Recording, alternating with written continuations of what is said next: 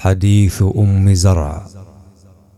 قال الإمام أبو الحسين مسلم بن الحجاج بن مسلم القشيري النيسابوري رحمه الله تعالى في صحيحه.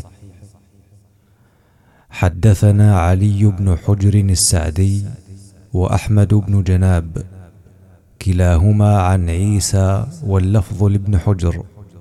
قال حدثنا عيسى بن يونس قال حدثنا هشام بن عروة عن أخيه عبد الله بن عروة عن عروة عن عائشة أنها قالت جلس إحدى عشرة امرأة فتعاهدن وتعاقدن ألا يكتمن من أخبار أزواجهن شيئا.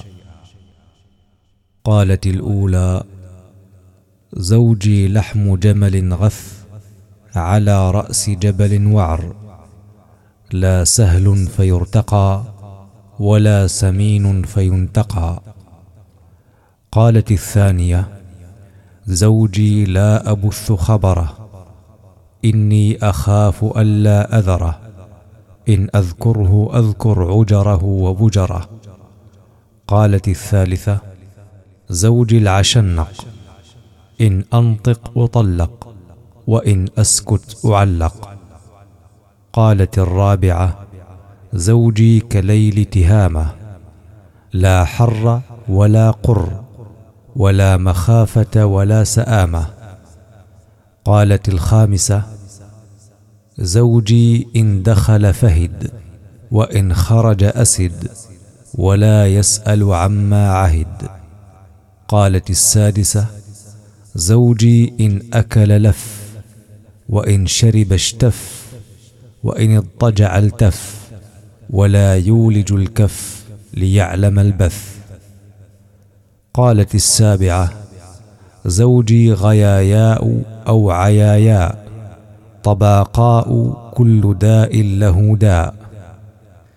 شجك أو فلك أو جمع كلا لك. قالت الثامنة زوجي الريح ريح زرنب. والمس مس أرنب.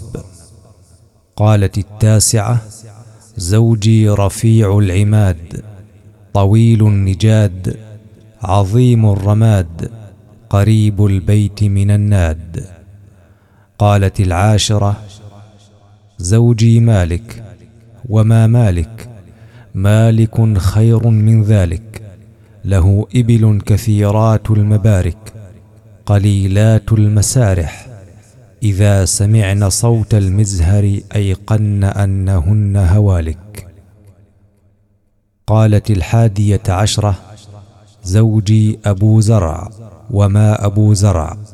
أناس من حلي أذني وملأ من شحم عضدي. وبجحني فبجحت إلي نفسي. وجدني في أهل غنيمة بشق.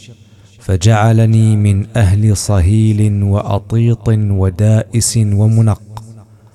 فعنده أقول فلا أقبح وأرقد فأتصبح وأشرب فأتقنح.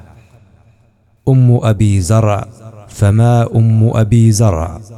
عكومها رداح وبيتها فساح. ابن أبي زرع فما ابن أبي زرع؟